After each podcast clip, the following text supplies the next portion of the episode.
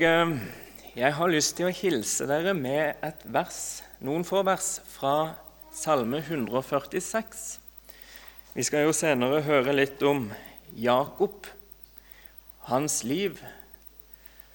Og nå skal vi få høre om han som heter Jakobs Gud i Salme 146. Der står det:" Salig er den som har Jakobs Gud til sin hjelp og som setter sitt håp til Herren, sin Gud. Han som skapte himmel og jord, havet og alt som i dem er. Han som er trofast til evig tid. Han hjelper de undertrykte så de får rett.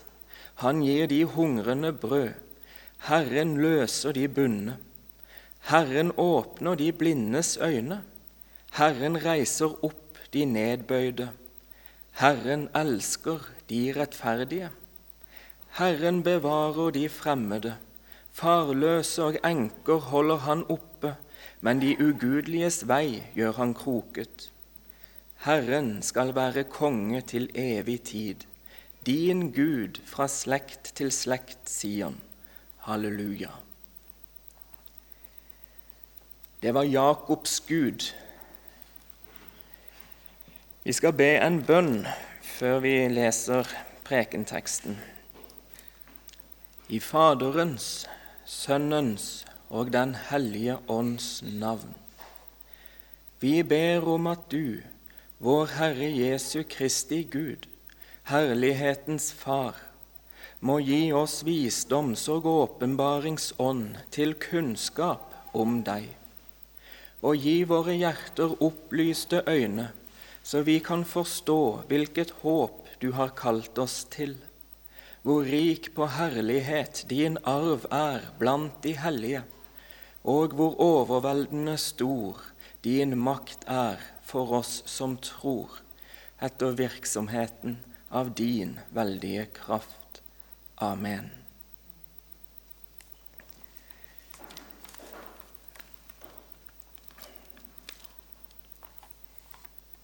I første Mosebok, i det, eh, kapittel 33, og fra det første vers, finner vi prekenteksten.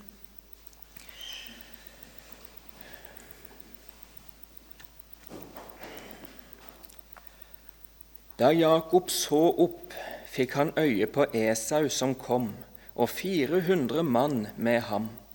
Jakob fordelte så barna mellom Lea og Rakel og de to trellkvinnene. Han stilte trellkvinnene med sine barn fremst, bakenfor dem Lea og hennes barn, og Rakel med Josef bakerst. Selv gikk han fram foran dem og bøyde seg sju ganger til jorden inntil han kom fram til sin bror. Men Esau løp ham i møte og omfavnet ham. Han falt ham om halsen og kysset ham, og de gråt. Esau så opp og fikk øye på kvinnene og barna, og han sa, Hvem er disse som du har med deg der? Jakob svarte, Det er de barn som Gud har unnt din tjener. Så kom trellkvinnene med sine barn nær borttil, og de bøyde seg. Lea kom også nær med sine barn, og de bøyde seg. Deretter gikk Josef fram og Rakel, og de bøyde seg. Esau sa da, Hva mente du med hele denne leiren som jeg møtte? Han svarte, Jeg ville finne nåde for min Herres øyne. Men Esau sa, Jeg har rikelig. Min bror, la det være ditt, det som er ditt. Jakob sa, Nei, jeg ber deg, har jeg funnet nåde for dine øyne, så ta imot min gave for da jeg så ansiktet ditt, var det som om jeg så Guds eget ansikt. Så vennlig var du mot meg. Kjære, ta imot gaven min som jeg sendte deg. For Gud har vært god mot meg, og jeg har nok av alle ting. Og han nødde ham til han tok imot gaven.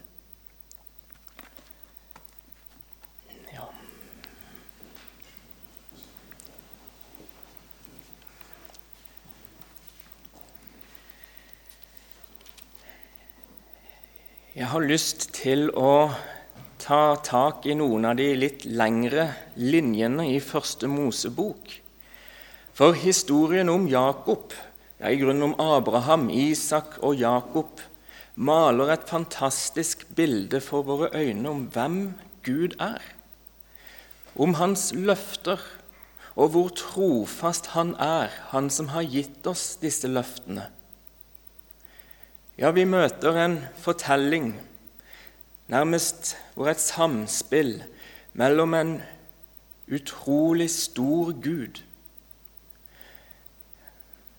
og en mann, omtrent som oss, som kanskje må felle den dom over sitt liv at han er for treg til å tro disse løftene. Når det blir prøvelser, motstand i livet, så kan man føle seg så fattig. Og man kan så enkelt ty til eh, knep og triks. Vel, når jeg leser i Første Mosebok, så lærer jeg å kjenne Gud som en lærer. En som bøyer seg ned til små mennesker og fører dem på sine veier lærer dem å stole på ham. Ja, han gir dem å fatte tillit til seg og sine løfter. Du vet Abraham og Isak og Jakob. De var en liten familie. Abraham hadde fått kall av Gud til å forlate sin fars hus og til å gå inn i et land som Herren ville gi ham. Og der ville Herren også gi ham en ett. Og denne ett skulle bli til velsignelse for alle folkeslag. Det er jo Jesus Kristus som skulle komme i denne ett. Abraham han fikk et stort kall og Likevel så har jeg lyst til å minne dere om at eh, det er ikke så veldig uvanlig kall for det Abraham her først og fremst ble kalt til. Det var å starte en familie. Det var det som var kallet. I et land som Herren ville vise ham, der skal du få deg en familie. Og i denne familie, i denne slektslinje, så vil jeg sørge for at alle folkeslag blir velsignet. Et ganske alminnelig kall, om du vil. Men det var jo litt mer enn det. For til forskjell fra alle andre familier så skulle denne familien ta vare på Guds løfter. Generasjon for generasjon så skulle ordet overleveres til neste, så de kunne være forankret i Guds ord, ja, være hans folk. Så når vi tenker på Jakob, så må jo han ha fått høre om sin bestefar Abraham og hans vandring med Herren, de ord han mottok og den trofasthet Abraham kunne vitne til sin sønn og sønnesønn og fortelle om hvordan Gud hadde bevart ham og utfridd ham.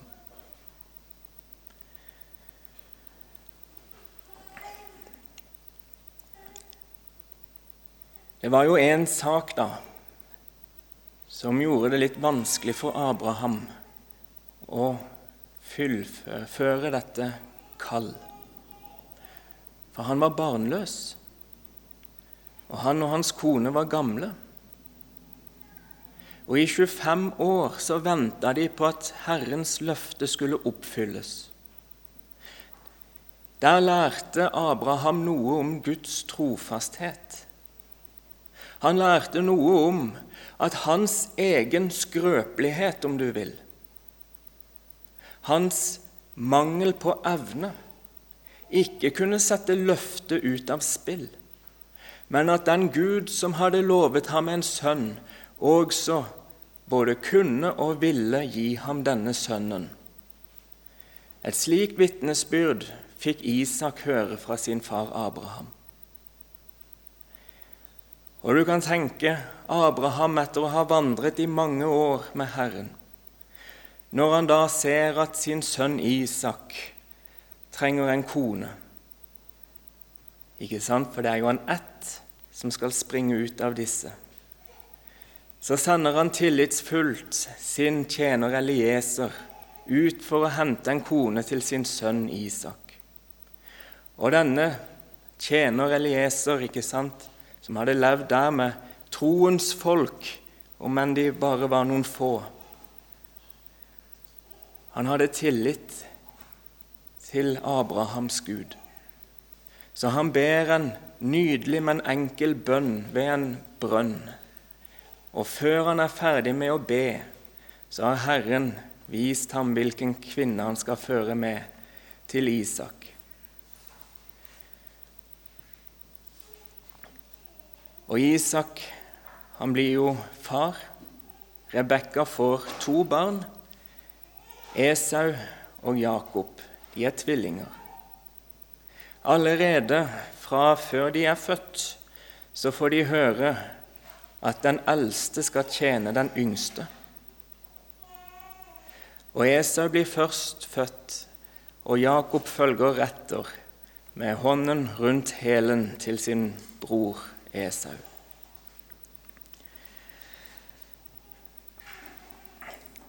Og Der begynner historien, som innleder en 20 år lang epoke i Jakobs liv, som avsluttes med den teksten vi har lest i dag.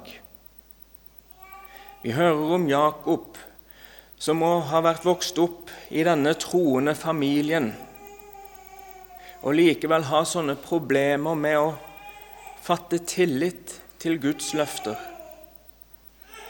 Det er som om han regner litt mer med sine egne knep og triks.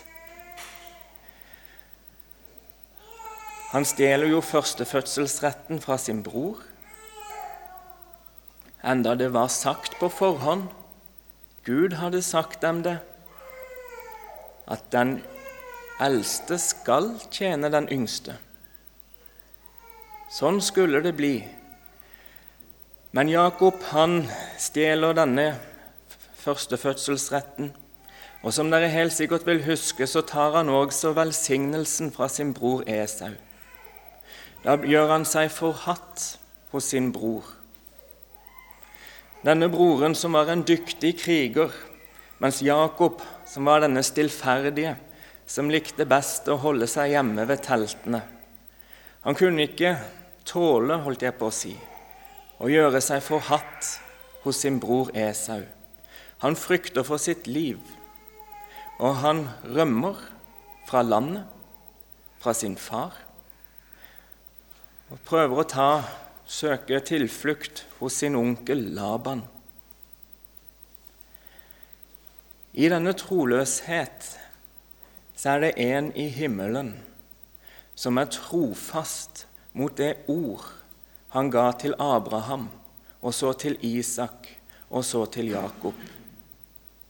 Her møter vi den Gud som senere kalles for Jakobs Gud, som vi er salige når vi tar vår tilflukt til han som er vår hjelp.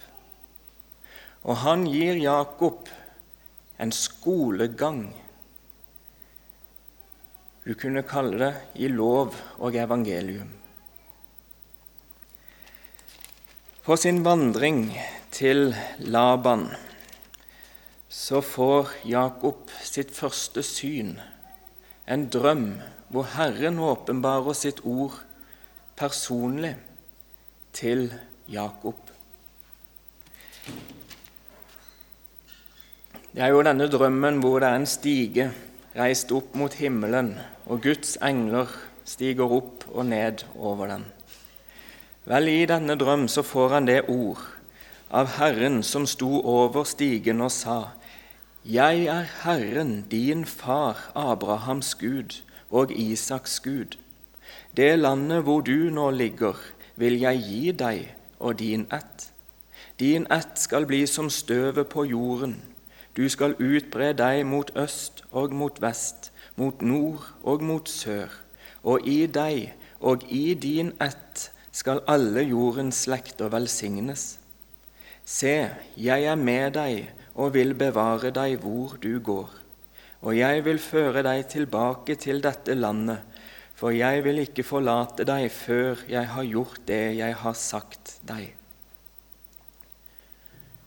Løfter, altså, som både fører videre den, den frelsesplan som først ble åpenbart til Abraham, men også løfter om at Gud vil være hos Jakob, ta vare på ham i det jordiske, bevare ham i det timelige, om du vil. Og kanskje kan du føle litt med Jakob i at det er nokså enkelt å høre disse løftene slik du og jeg hører dem nå. Men det er ikke alltid like enkelt å fatte full og hel tillit til Guds løfter. Vel, salig er den som har Jakobs Gud til sin hjelp.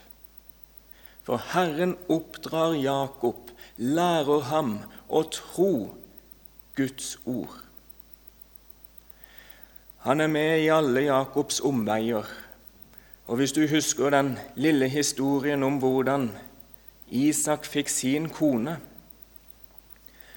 så vil du dra kjensel på hvordan Jakobs bommer og strever litt i gudslivet sitt når han kommer fram til Laban.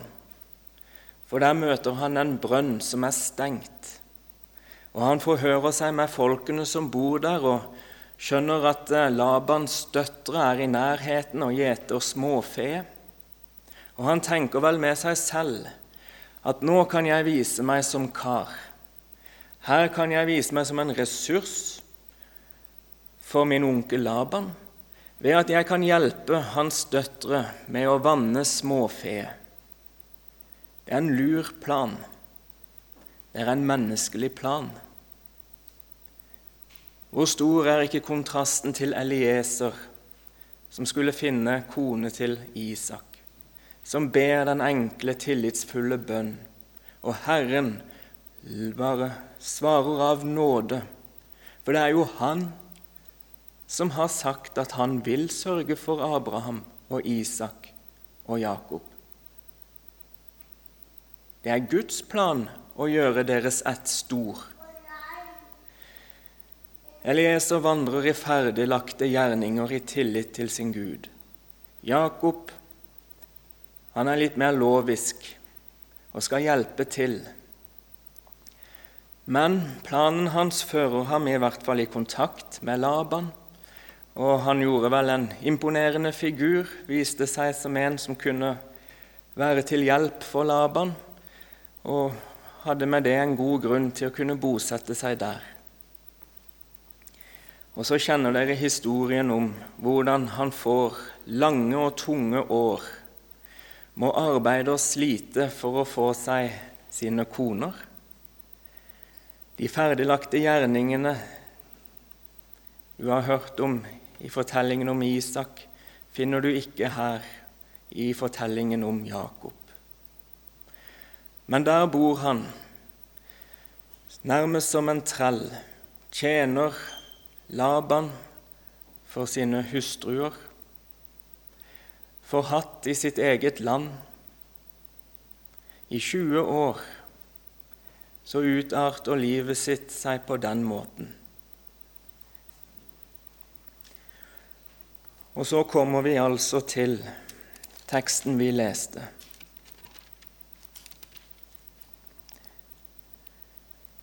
På dette tidspunkt så går det opp for Jakob hvilken trofast Gud han har i himmelen. Etter en kamp med denne mannen som viste seg på natten. Du vet, Jakob han spør ham, 'Hva er ditt navn?' Og mannen svarer ham tilbake, hvorfor spør du meg om mitt navn? Jakob spør sin Gud, hva er ditt navn? Og får til svar, hvorfor spør du om mitt navn? Han som er kjent som Abrahams, Isaks og Jakobs Gud. Han som i ettertid er kjent som Jakobs Gud. Hvorfor spør du meg, Jakob, hva mitt navn er? Underforstått, jeg er jo din Gud. Slik har du lært meg å kjenne. Jeg er Han som bevarer deg, fullfører min frelsesplan gjennom meg, gjennom deg, tross din svakhet og din utroskap. Jeg er også Han som har gitt deg fred og ro, bevart deg i trengslene du har møtt. Og det fikk han, Jakob altså, lære når han ser sin bror Esau. I 20 år har han gjemt seg for Esau i frykt for sitt eget liv. Men Herren hadde lovet ham at han skulle vende tilbake til sitt land, og at han skulle ha fred der. Jakob han tar vare på sin familie.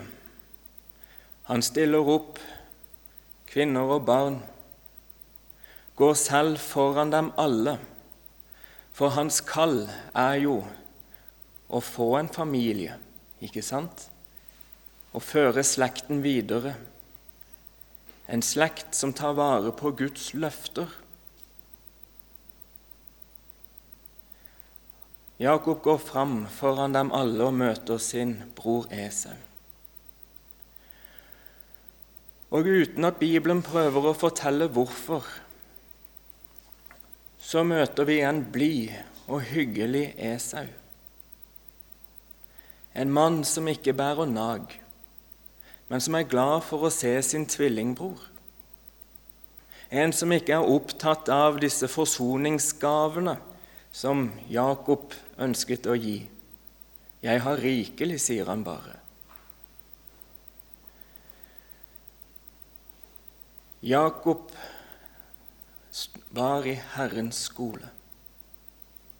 Jakob fikk se Herrens frelse. Han kunne være så treg til å tro som han bare ville. Herren brukte den tiden han trengte på å lære å stole på sin Gud. Slik er det også med deg og meg. Vi står i Herrens skole. Han oppdrar oss gjennom hverdag, gjennom trengsler. Så oppdrar han oss. Og I forbindelse med tekstene vi hørte fra ja, Markus og Efeserbrevet, hvor vi møter på formaninger Herrens ord til oss om at vi må tilgi hverandre, passe på hvordan vi omtaler hverandre. Det kan hende at disse formaningene eller andre formaninger kunne stikke litt i samvittigheten vår eller de ti bud, som vi jo så gjerne ønsker å følge og leve etter.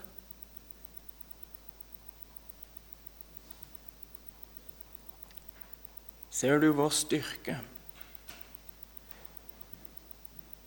Det er på ingen måte at du eller jeg skulle kunne ta oss sammen og få til alle ting på egen hånd. Vår styrke er at Gud er vår Gud. Han som kunne gi Abraham en sønn. Han som kunne få skikk på Jakob.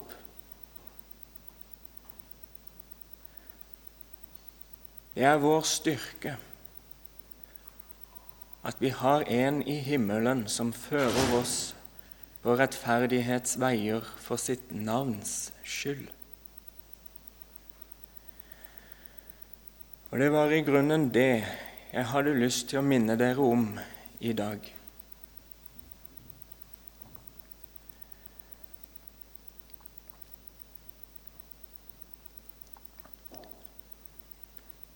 En vidunderlig bønn i Salme 25.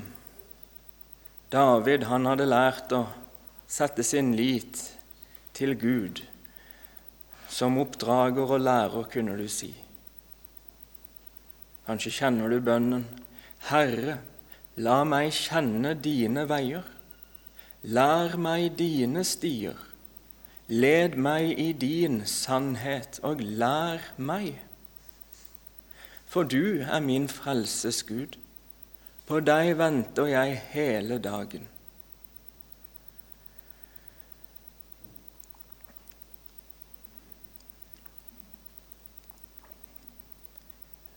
Skal vi be en bønn?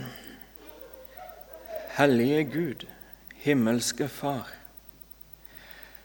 Så har vi også frimodighet til å rose oss av at du er vår Gud vi vil takke deg, Herre, for at vi får kjenne deg gjennom din Sønn Jesus Kristus. At vi får bli i Hans ord og Hans ord i oss. Og at vi skal få regne med deg, Herre, at du vil lede oss og lære oss, ja, ta deg av oss. Herre, kom i hu at vi er støv og at vi trenger din nåde og din stødige hånd over våre liv hver dag som går. Og når du sånn tar deg av oss, Herre, så skal også vi kunne prise deg i sannhet og si at du er god, at du er vår Gud og vi er ditt folk, at det løftet du en gang ga, at vi skal alle være lært av deg, i sannhet er blitt holdt og oppfylt. I Jesu Kristi navn. Amen.